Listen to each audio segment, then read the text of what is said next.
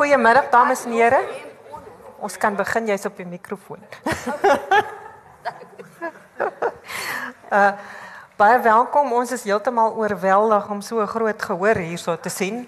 Um ek is Anne Marie Kotse en ek is hier as die gespreksleier, maar ook in my hoedanigheid as die voorsitter van die departement antieke studie. En my gespreksgenote is Jo Marie Klasen wat 'n emerita professor van die departement is en dan drie kollegas wat hierso die jeug en die toekoms van die departement verteenwoordig. Samantha Masters, uh Flip Bosman en Amy Daniels. Ehm um, so hulle gaan elkeen oor hulle hoofstuk in die boek iets sê en Amy namens die redakteur. Ehm um, die boek wat ons bespreek is geredigeer deur Grant Parker. Uh hy is 'n professor by Stanford Universiteit in die VSA, maar Grant het in die Kaap groot geword. Hy is 'n Kaapenaar en hy is 'n buitengewone professor by die departement antieke studie en hy besoek ons gereeld en werk saam met ons. Um dit spreek nou natuurlik van self hoekom hierdie boek um vir ons de, as departement naby aan die hart lê. Want ons wy elke dag van ons lewe aan konfrontasies met die antieke wêreld wat ons nou nie meer so graag die klassieke noem nie, maar die antieke wêreld.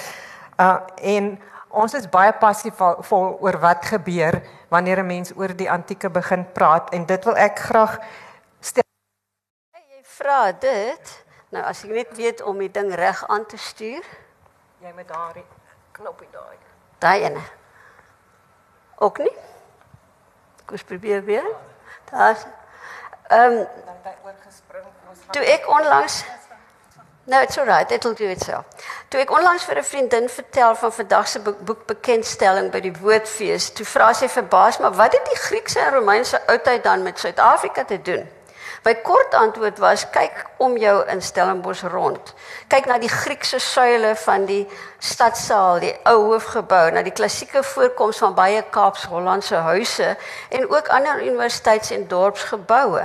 En my man voeg toe vinnig by: En kyk net hier om die draai van ons huis af, die Romeinse tempelhuis wat verlede jaar voltooi is. sien jy die datum? O ja, sê sy tevrede. Dis 2017 daai in Latyn. Die tweede vraag natuurlik wat ek sou gevra het is hoekom is daar op die voorblad van hierdie boek swart Suid-Afrikaners in snaakse bont kostuums? Uh Hoe wat het dit met die klassieke of die antieke wêreld te doen? Dis jong swart akteurs wat die koor van Fools in Roy Sargent se opvoering van 'n Griekse komedie uitmaak in die opening openlug klim klip amfitheater by Kirstenbosch. Dit was in 2005. Sargent beskryf die opvoering in hoofstuk 16 in 'n afdeling van die boek getiteld After Apartheid. Die jong akteurs staan midde in die antieke Griekse tradisie met hulle voelsnavel maskers. Soos die antieke Grieke het die Kaapse gehore dit vreeslik geniet om vroeg in die oggend te gaan en die die opvoering te sien hoe sien hoe die natuurlike sonlig en die vlietende skaduwees 'n heel ander dimensie aan die opvoering gee. Gehore kon ook ervaar hoe die antieke gebruik van tragiese maskers 'n element van tydlose universaliteit gee aan twee ernstige Griekse tragedies wat in vorige seisoene opgevoer is. Die tweede hoofstuk in hierdie selfde afdeling wys hoe direk die ewig menslike dilemma's wat deur Griekse tragedies uitgebeeld word vir hedendaagse Suid-Afrika relevant is. Jael Faber se Molora is 'n aanpassing van die oerverhaal van moord, wraak, vergelding en vergifnis soos beliggaam in die mite oor die moord op koning Agamemnon deur sy vrou Clytemnestra en die wraaklus van hulle twee kinders Orestes en Elektra. Molora beteken as, verbrande hout, ash. Grepe uit die verskriklike onthullings voor die waarheids- en voorsienings versoeningskommissie is binne hierdie raamwerk opgevoer met tussenin die Griekse drama en dan hierdie grepe met in die agtergrond 'n koor van kombers gekrede swart moeders wat ween oor die uitgebeelde marteling van hulle kinders onder die apartheidsregime. Die onverwagte slot, heel anders as die klassieke een, is vergifnis van Elektra deur haar kinders en dit het gewys op die moontlikheid van heling en versoening wat die kommissie aan alle Suid-Afrikaners gegee het. Jammerie, dit dink ek wys vir ons die soort van konfrontasies met die antieke, die klassieke uh wat moontlik is. Ehm um, jy is die een wat die boek die beste ken. Kan jy dalk vir ons iets sê oor die verskillende afdelings? Ja, die afdelings behalwe Grant Parker, die redakteur se grondige inleiding en slotbeskouing wat deur my kollegas uh kollega Amy toegelig sal word, word 16 hoofstukke al altesaam 5 ander afdelings ingedeel wat onderworp onderwerpe soos argitektuur tot politiek, regspleging tot ideologie en verder dek.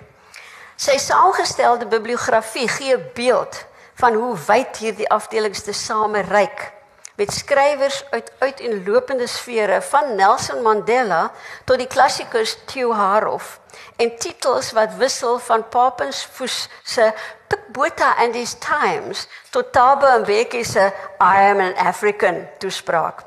Mostert se gedenkboek van die ossewaans op die pad van Suid-Afrika en Mylem se The Cult of Rhodes Remembering an Imperialist in Africa. In Parker se eerste afdeling, Conceiving Empire, wat meerendeels gaan oor Suid-Afrikaanse argitektuur, kom Rhodes se naam telkens voor. Maar ook die 19de eeuse Britse idee van hulle empire as 'n voortsetting van en natuurlik 'n verbetering op die Romeinse ryk.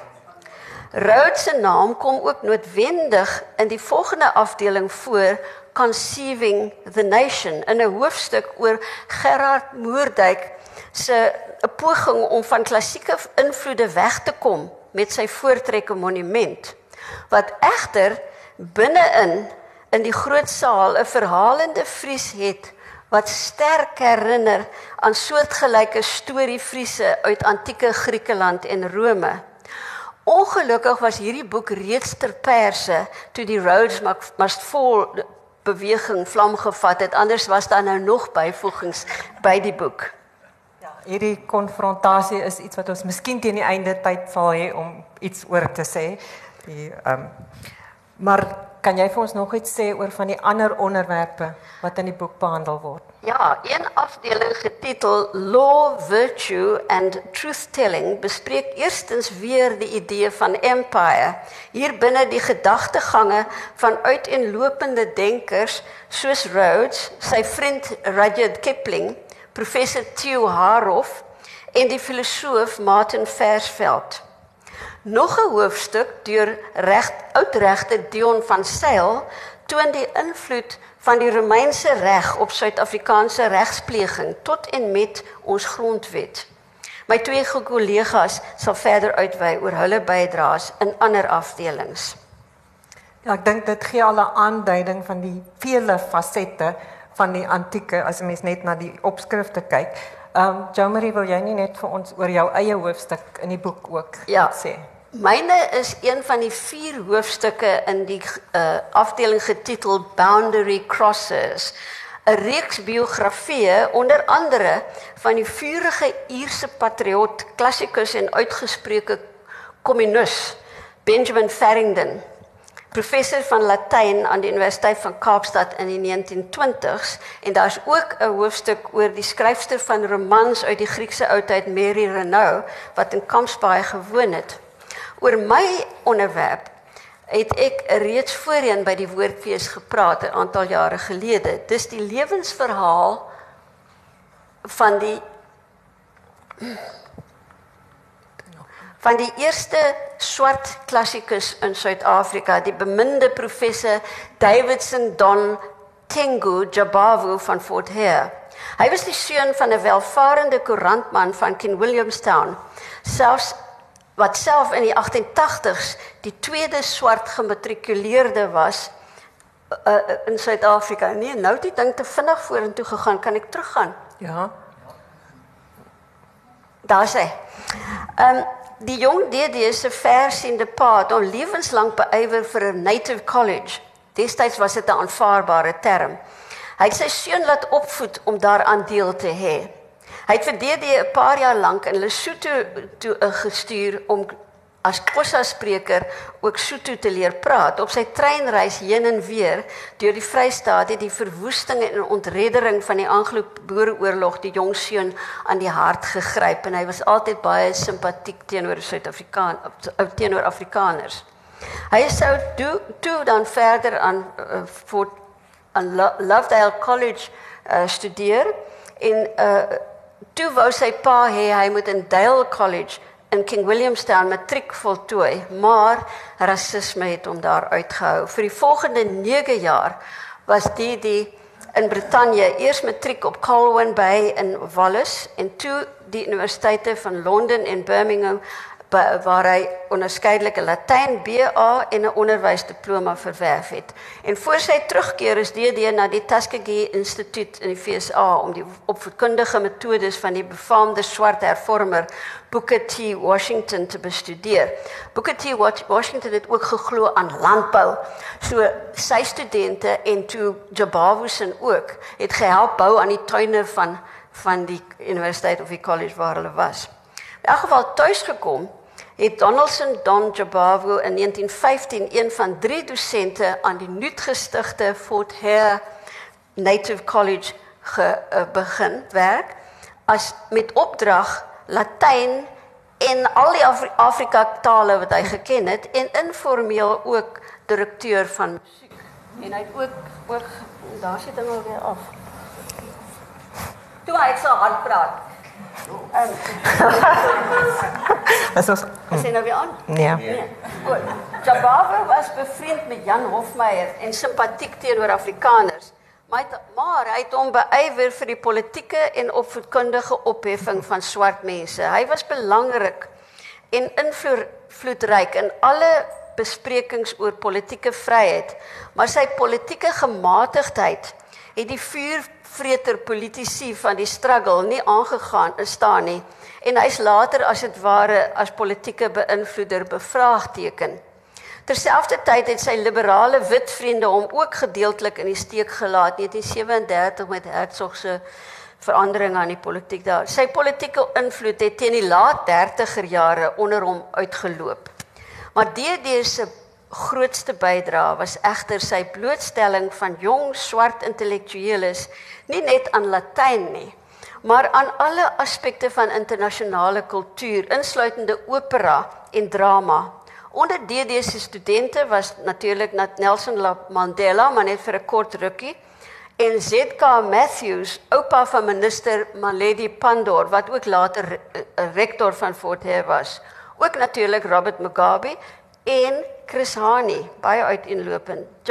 Jabavu was ewe tuis onder die grootstes van die land en die eenvoudigste mense uit sy Oos-Kaapse taalgenote. Ek eindig met 'n uittreksel uit my slot. In her second book, his daughter Noni describes an idyllically pastoral vignette. Her then 70 year old father and an uneducated friend of his youth were sitting together on their porch, overlooking the rolling landscape, comparing notes on matters agricultural. Says Jabavu to his old friend, If you had been taught Isi Latini, I would recite passages in that golden tongue. Roman warriors conquering the whole world chewed grains of boiled maize. Sick, When I taught your, our young men and women Latin at Fort Hare, construe, translate this food, zinc orbe, they would say, So these Romans were people like us? And I would reply, You are people like the Romans were. Replies his amazed companion, The Romans of the Holy Bible? Ama Roma? Both venerable men then lapsed into a ruminative silence. Baie dankie Jo Marie vir jou interessante blik op die boek. Uh ons volgende spreker is Amy Daniels, my kollega op die punt. En sy gaan namens Grant praat wat nie vandag hier kan wees nie. En ek dink dit is ook baie gepas want Grant is 'n gespreksgenoot vir Amy nie net informeel nie, sy het ook formele onderhoude met hom gevoer wat mense op podcasts kan luister. Ehm en sy sal dan heel gepas praat. Um, something about the diversity of the contributions in the book. You have to say something. Well, before I say anything about the diversity, it's just sort of standing in for Grant Parker. It's a bit of a mind bend and a great honor. Um, I don't think I would have had it in me to bring together such diverse writings, such diverse contributions, and to edit them together in a way that makes complete sense. It's just amazing. um, but um, in all honesty, I don't think a volume of this nature could have been produced any other way. I mean, our relationship with classical antiquity as South Africans is a multifaceted one. It's one that, um, I suppose, in the first place, has a history which is, or an interaction that's fraught with tension and difficulty one need only think of the early Dutch settlers and the way they used Roman statutes to control their often classically named slave population. I don't know if any of you know anyone called Cupido, Julius, or Julius Titus. right? These are all slave names based on the, in the, or with roots in the classical world. So our heritage or our interaction, our introduction to classical antiquity is one that's quite problematic. Um, and I think it's for this reason that the international publisher we have was so keen on the subtitle Confrontations. And rightly so, although confrontations necessarily leads, I don't know for you, but leads to connotations or associations with something negative, with conflict. Um, and I think many of uh, my colleagues and those contributors to the book they, they do grapple with this very problematic legacy in different chapters. But I've been thinking a bit more about confrontations and what they necessarily lead to. Uh, they necessarily lead to some sort of resolution, no? Um, and um, well, let me illustrate it anecdotally. During correspondence with former President F.W. de Klerk, uh, Grant Parker was uh, informed of a really unexpected and strange confrontation between South Africa and the classical world. The year is 1991, and the ANC, including Nelson Mandela and Chris Hani, who was then chief of Umkhonto Wesizwe, were in talks with the National Party at uh, Dev Milan Airport. Uh, now, you may not know this, although my colleague Jo Marie has touched on it somewhat. Chris Hani nurtured a love of Latin and of English literature throughout most of his adult life. In fact, his daughter writes fondly of her father as a scholar in her book released last year. Now, during the tea break, during these, oh, I find this fascinating, during the tea break, um, during these negotiations, um, Chris Hani and Pello Jordan walk up to Gerrit Viljoen. Now, Gerrit was once chair of the Broederbond, and at the time of the meeting, he was Minister of Constitutional Development in de Klerk's cabinet. But he was also a former Greek professor at UNISA and one of the founders of RAO. And the topic of their conversation was Sophocles' tragic play, Philoctetes. Can you imagine the tension that must have buzzed in the room that day? And yet, leaders from opposing sides were able to build a bridge through their mutual appreciation of a classical Greek play. I'm not saying that Sophocles somehow is responsible for bridging a seemingly impossible impasse. Um, that's not what I'm saying. What I am saying is that something too ancient to be truly offensive, but something all parties could engage in on a personal and intellectual level, may have contributed to those negotiations and to them seeing each other as people. The episode for me is an example of what South African confrontations with classical antiquity have the potential to be, to offer to those who are willing to engage. And indeed, I'm going to read this because it's again in the words of Grant Parker during um, a recent interview. Um, he says that the questions we as researchers ask are our bridges of imagination, our bridges, our bridges of human sympathy. And I believe that Chris Hani, Gerrit Viljoen, and the other contributors to this volume dared to ask questions about antiquity that could build bridges. So that's kind of what I feel about the diversity of this book. Thank you, Amy. Um, I know that the bridges is a concept that is quite dear to you. Um, do you think that this book can actually contribute to building bridges in South Africa and how? I'm glad you asked. because we find ourselves at an interesting moment in South African history, don't we? It's a moment in our history when South Africans are grappling with what it means to have national identity. It's a moment where we question the place of statuary in the public sphere, statuary that often draws on classical visual language and iconography.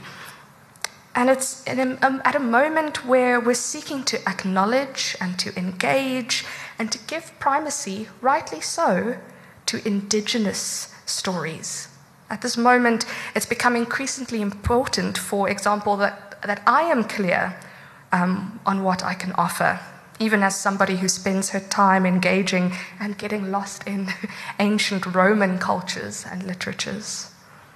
Sort of become increasingly important that I guide my students in a direction where their studies of the Greco Roman world and North African antiquity add to the ways that they choose to engage in current South African discourses. And I think my colleague's book touches on diverse topics in line with my agenda, for lack of a better word. And looking forward further afield, perhaps into the realm of classics as um, an academic pursuit, as a discipline, the book gathers South African voices to offer South African interpretations and contributions to the field. And that's worth doing. I don't know if you'd agree with me. Um, and then, on another equally important level, I feel like the contributions to this volume offer South African interpretations um, of classical antiquity and throw spotlights on instances where South Africans have used their knowledge of and their access to the Greco Roman world with great effect, even as tools of resistance I think of one anecdote in Grant's introduction where he talks about uh, Albie Sachs finding some writing on a prison wall in Latin. And he answers in very poor Latin. but I mean, this, I would say, um, adds new dimensions both to the cultural histories of South Africa, but also the cultural histories of the classical world. These new, bright interpretations. And then again, I just want to add something Grant said during my podcast interview. Um, is that we need to have open conversations at this very critical moment in South African history. Open conversations. And I feel this book shows a need, from my very biased opinion, um, for openness to the unexpected influence of the Azanian Muse. That's actually the title of his introduction. As we navigate our national identities, and seek to embody the of our coat of arms. Diverse people uniting, or more literally, people who are different meeting. I mean, it's all about bridges, man. Thank you, Amy, very much for your eloquent answer. Um, Samantha uh, is another author, um, and uh, she has worked about collections of antiquity in South Africa. Um, can you tell us something about the focus of your research on this? Sure. Um, so, my chapter is in a section which is called uh, Cultures of Collecting. So, my chapter and several other chapters in the book turn away, well, not really turn away, but um, turn the focus on the material environment of South Africa and looking at visual representations or visual receptions of classical antiquity in South Africa. So, Joe Maria has already drawn attention to architecture, for example. Um, and that would be, of course, a, a very obvious way, um, area that we find the reception of classical antiquity in the buildings that, uh, that we find in many of our cities. Um, another chapter that is in the same section is on the donation of some casts that were made in, uh, to the South African Gallery, the Cape Town Gallery at the time. And these were life size casts of famous classical sculptures that were donated uh, to South Africa. They were sent from Britain and they were sent as these marvelous examples of what, what the real thing would look like. And what Anna Titze discovers in her chapter is that the reception of these um, casts was quite problematic and unexpected. So everyone expected that these um, uh, artifacts or objects that were being donated to the South African Gallery as these pristine examples of classical antiquity donated by the colonial uh, regime, if you like, as perfect examples of what sculpture should be, would be welcomed with open arms. And in fact, this was not the case at all. So this was very unexpected. And in my own chapter, I was interested in looking at collections of artifacts, so nothing on the scale of those uh, classical casts or large scale sculpture, but smaller items that were donated to South African museums or were acquired by South African museums. And I was interested in the journeys, the kind of biographies of these museum collections. Um, so that was that's the, the sort of broad scope of, of what I was interested in doing. And I had three main um, purposes um, for, for doing this work, or three main questions that I wanted to ask. Uh, the, the first was what do we have, where? So it was a kind of survey trying to discover well, what do we have? What do we actually have? In collections in South Africa, and I noticed that there were two, uh, two main types of collections that emerged. The one would be state museums, so the old uh, colonial museums, um, originally colonial museums such as the, the, South African Museum, which of course then became Iziko, and then on the other hand, university collections. So that was one of my findings is that we have two main types of collections. Uh, and I was surprised to discover how much there actually was. And it was so it was a useful documenting process. Uh, but apart from that, I wanted to ask questions about why these objects were collecting, fully expecting to find um, a real, con- really conscious agenda uh, for collecting classical antiquities, expecting that there was an ideological purpose to the collecting, uh, suggesting that, well, classical items would be prized, there were prestige items that would be sought out and deliberately collected by especially colonial museums, and probably also in the, in the era of apartheid. Mm-hmm. And then the third question was where are they now and what has happened to them post 1994? Because um, this is one of the things that I discovered is that very few of the collections are actually still on display. Mm-hmm. Um, you said you were quite surprised by the practices of collecting. Um, do you want to say something more about that? Yes. Um, Have you covered it? No. Um, these uh, slides just wanted to point out to the audience that we actually have a collection uh, uh, in our, our own department, some very nice coins, um, and also a few other objects. But to get to the question about what was unexpected, so I said that I was expecting to find this conscious collecting uh, drive for classical antiquities, especially in the old colonial museums like South African Museum, Albany Museum in Grahamstown, um, the Durban Art Gallery.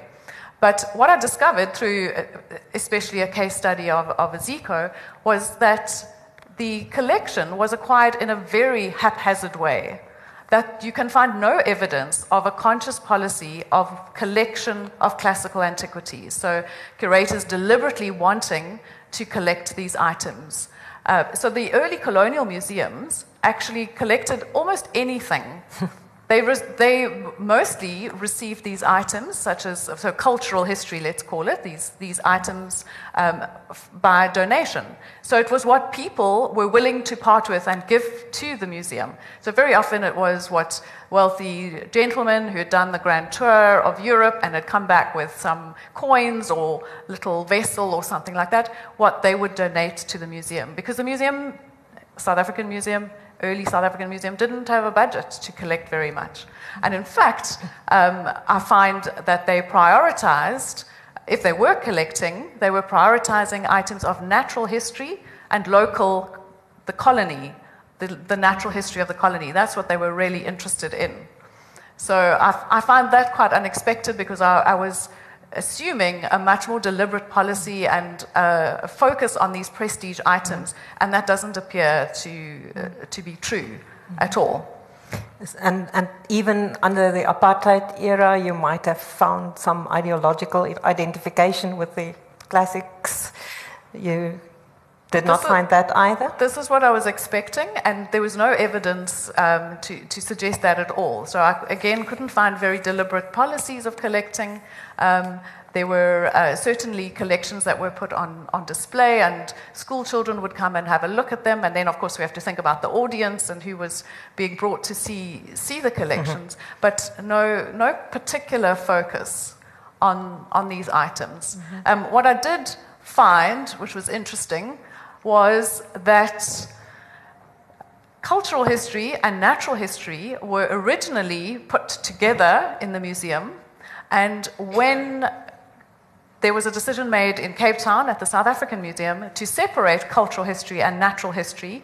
The items that were associated with local South African traditions, so objects, um, and even the people themselves. So I'm sure some of you know about the controversial dioramas that were in the South African Museum, which are now no longer on display. So these items um, and these, the actually actual casts of human beings, were left with natural history, and then the items such as Greek pottery and Chinese pottery were moved to a cultural history museum. And so this very clearly does suggest an ideological um, preference for certain kinds of material, um, but not only Greek or Roman items, but a, a so called division into civilized the products of civilized societies and not. So, yes, there is a very interesting ideological thing going on, um, but it wasn't quite at what I expected.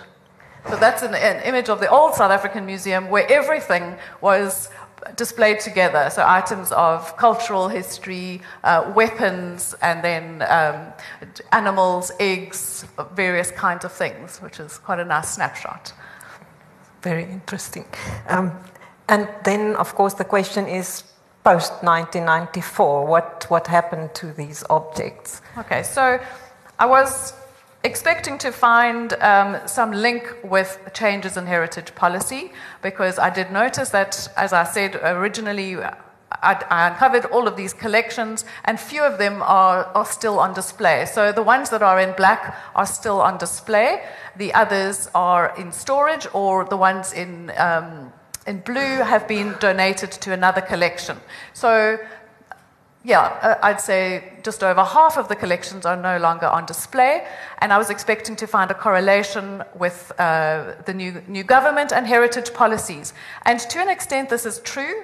These collections, um, some of them have been put away, um, and that is because the uh, preference, um, and I think rightly so, the focus on neglected histories has become much more important. And so I, I think this is completely uh, makes sense. And this is an example. This is the old Greek room at the uh, South African Cultural History Museum, which has now reverted to the Slave Lodge. So some of you may have even visited that collection. So on, on the left-hand side, you can see what the room used to look like. And now that space has been reclaimed and has become a museum of slavery. Well, the whole building, of course, has re- uh, been returned to its original um, Uh, its, its original identity as a slave lodge. And so the story of slavery is being told. And I think that this displacement of a collection is completely appropriate. And so that collection is now at Ezeco. It's in storage, and we visit it. Um, I take my students, and we go and visit it from time to time. And Ezeco are very happy to show people the collection, and they look after it well. So, um, yeah, it happened to be in the space that was needed for something else. And so, yes, there is a, a correlation to an extent, but not a deliberately, again, uh, targeting of classical objects. Mm-hmm. It's just other stories need to be told. Mm-hmm. And I think that's appropriate. Absolutely, I agree with you. Um, we can end Samantha's questions on a lighter note with an object she has brought. Will you show us the object? the so called Zuma pot.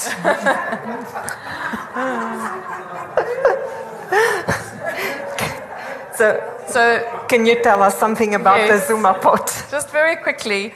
Um, so this is one of my favorite items that a student has made, and very luckily she allowed me to keep it because I absolutely love it. Um, I'll give her credit. Her name is Luciana um, and what the, the this was part of a course on Greek art, reading Greek art. And we were looking at iconography and we were trying to understand something about signs and what they mean in context. And so I was teaching them that iconography in ancient Greece, if you don't understand the context, you won't understand everything about the image and what it means. And so I set them a task of trying to use that idea of iconography and combine it um, with something modern and just reflect. And so that's what she did. So she thought about uh, the palette of Greek pottery, the, the, iconography, the type of iconography, and then she, of course, was also inspired by Zapiro and the showerhead and his kind of iconography. And so I just wanted to use this as an example of how we, in our teaching, use antiquity as a lens to look at the current era as well and to think about our own world. And this was. Um, yeah, there was this is Malema as well, and people are very welcome to have a look at. Of course, that was when he was still part of the ANC, so this is quite a while ago. Um, dressed as a hoplite, um, and yes, I, if you would like to look at it afterwards, I, I'm very happy to show it to you. And then another one, very quickly, also a student uh, project, was okay, now what do we do with all this masculine type of powerful imagery we find in ancient Greece? So on the left hand side, we have the Zeus or Poseidon. Um, throwing his either thunderbolt or his trident. And here, a student decided to reinterpret this and say, why do these powerful figures always have to be male and always have to be white? And so she depicted a black female nude, which, of course, in, in antiquity would be slightly problematic because women must be covered up.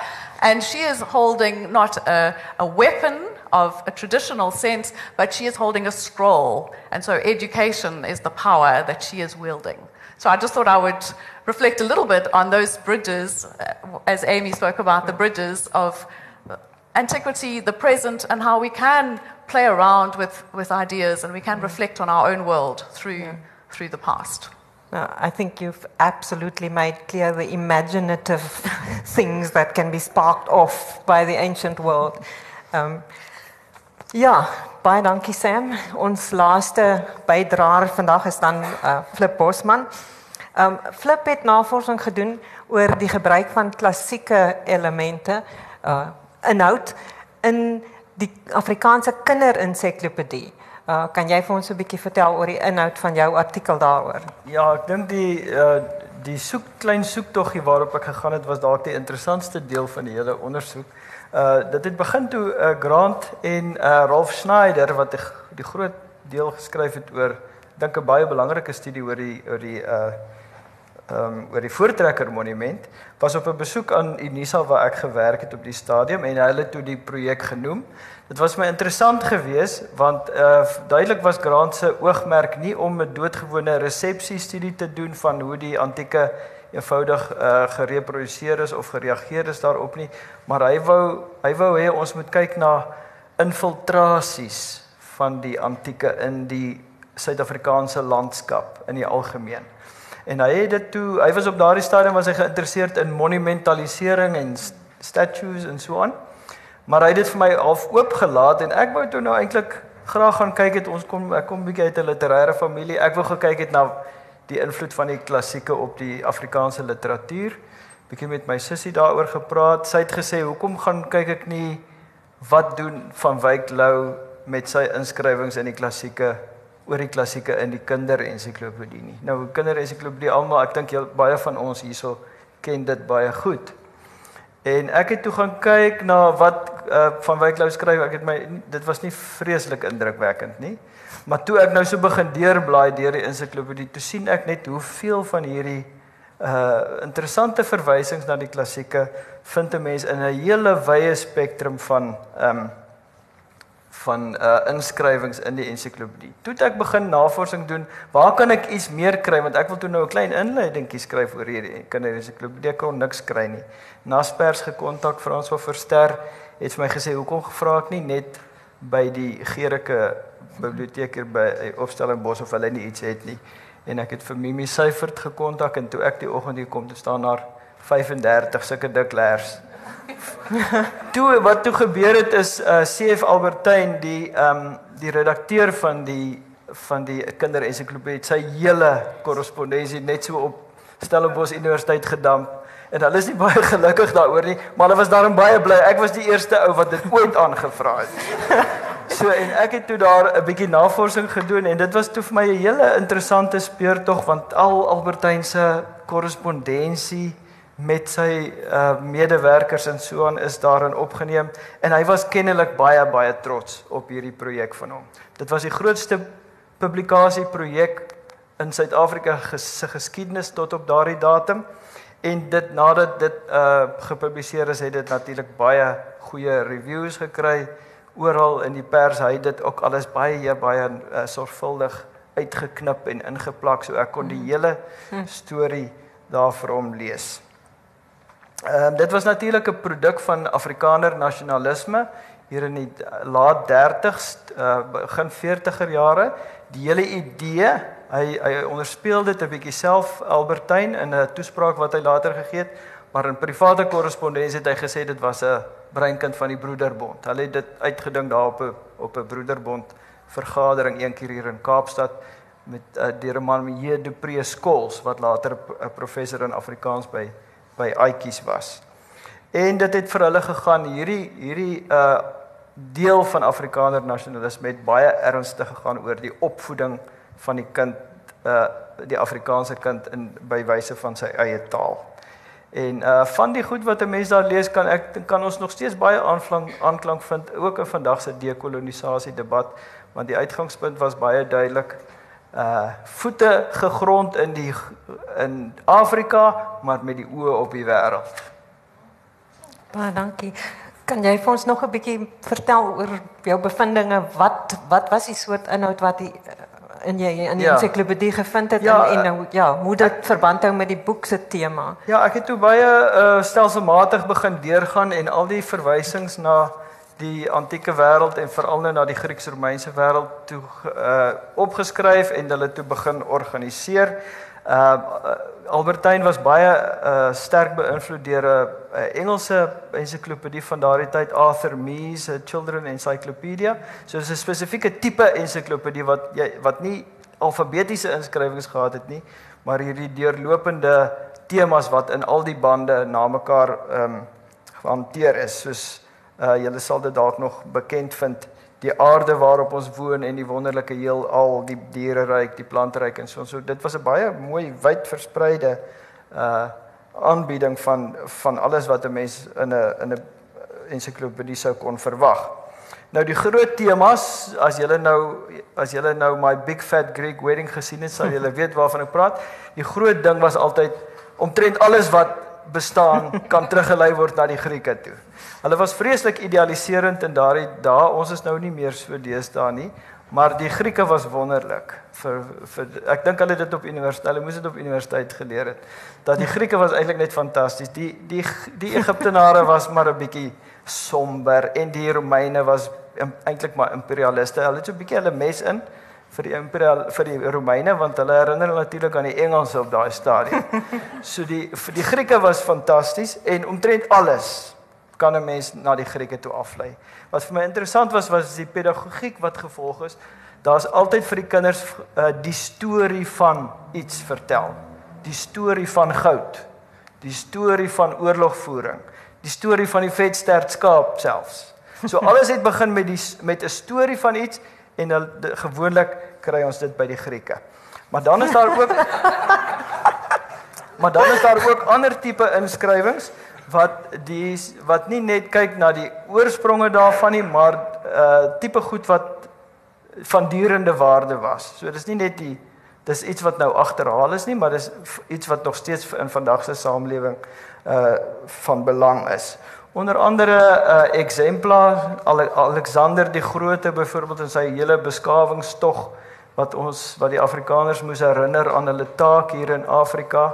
Tipe ehm um, anekdotes wat die mense oor vertel het. Ek was verstom oor hoe goed onderlê die professore destyds aan Stellenbosch hoe goed hulle onderlê was in die antieke en ek dink die rektor is hier hy moet dit miskien weer verpligtend maak vir vir alle akademici om 'n kursus in antieke kultuur by ons te kom kom loop. Ehm um, 'n mens sou kon sê dat in terme van die politiek van die tyd uh die klassieke wêreld het vir hierdie mense die funksie gehad om die Afrikaner volk te bind aan die groot kultuurvolke van uh die Grieke en die Romeine wat nou soort van deur uh die deur Europa na Suid-Afrika toe gekom het. So dit het 'n dit het 'n identiteitsfunksie gehad waar wy samehorigheid moes gee vir die Afrikaners, maar ook voorbeelde van waarskuwing. So mense skryf byvoorbeeld die Peloponnesiese oorlog van die Grieke was tussen die twee stadsstate uh Sparta en Athene, maar in hierdie uh in die, in die kinderensiklopedie word dit 'n burgeroorlog wat vir die Afrikaners waarsku om om uh samehorigheid te handhaaf.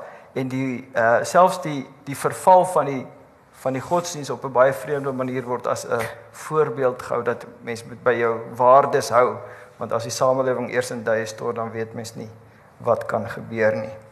Uh laastens dink ek dat ehm uh, dat daar het beslis universalistiese en humanistiese perspektiewe deur die uh, verwysings na die klassieke in die denkwêreld van die kinders van Afrikaanse families hierdeur na vore getree en mens sou hoop dat dit 'n goeie invloed op die lang duur gehad het. Baie dankie Flip. Ehm um, ek weet nie of ons die kamer vinnig moet ontruim nie. Is hier iemand wat vir my kan sê? Ehm um, my kollegas het toe ons oor hierdie gepraat het gesê hulle dink daar's 'n olifant in die kamer as ons oor hierdie boek praat. En ek wil net vinnig die olifant by sy naam noem en ehm um, as iemand nog tyd het kan hulle miskien luister na 'n paar perspektiewe wat mense daaroor het en die olifant is uh, terwyl die rektor ook hier is uh, het die onderrig van die klassieke en die antieke wêreld 'n plek aan universiteite in Suid-Afrika vandag. Ehm um, in in watse plek het dit? Amy, I know that you although you haven't made up your mind, you have a lot of views on this.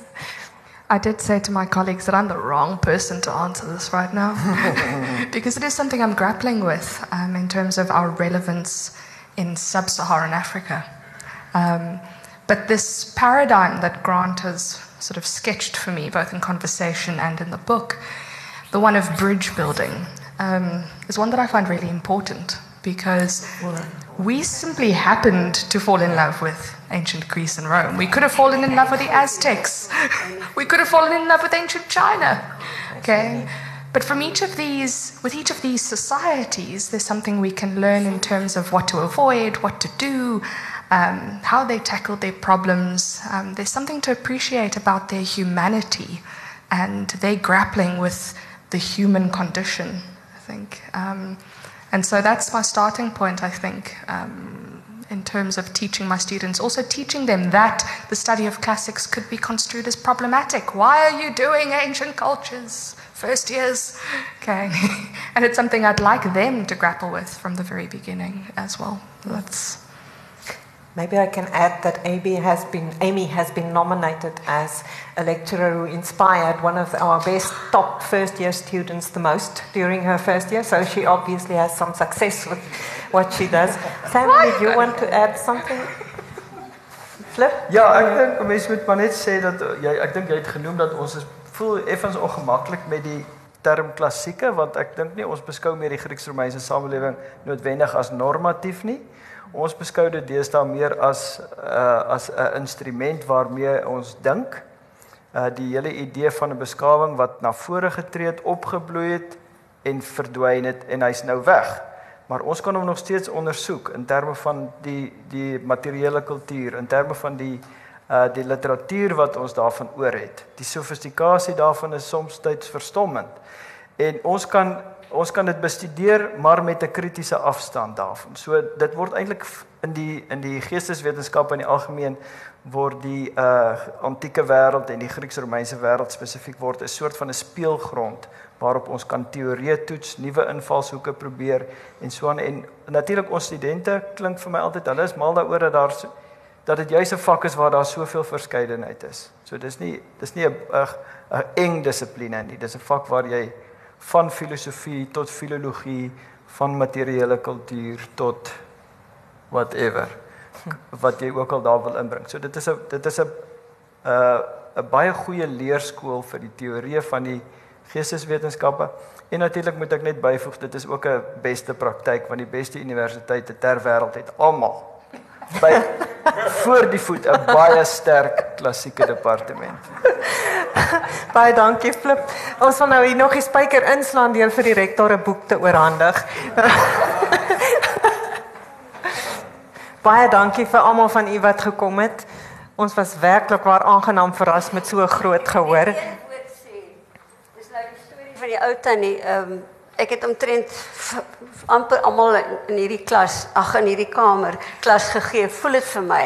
Maar ons het jare gelede 'n wonderlike jong stu student gehad wat toe 'n dosent geword het en sy het baie kort by ons klas gegee en toe sy oorlede, Fran de Villiers. Sy het 'n klein boetie Wim op skool gehad nog. In gedagte aan Fran. Baie dankie. Waardeer dit.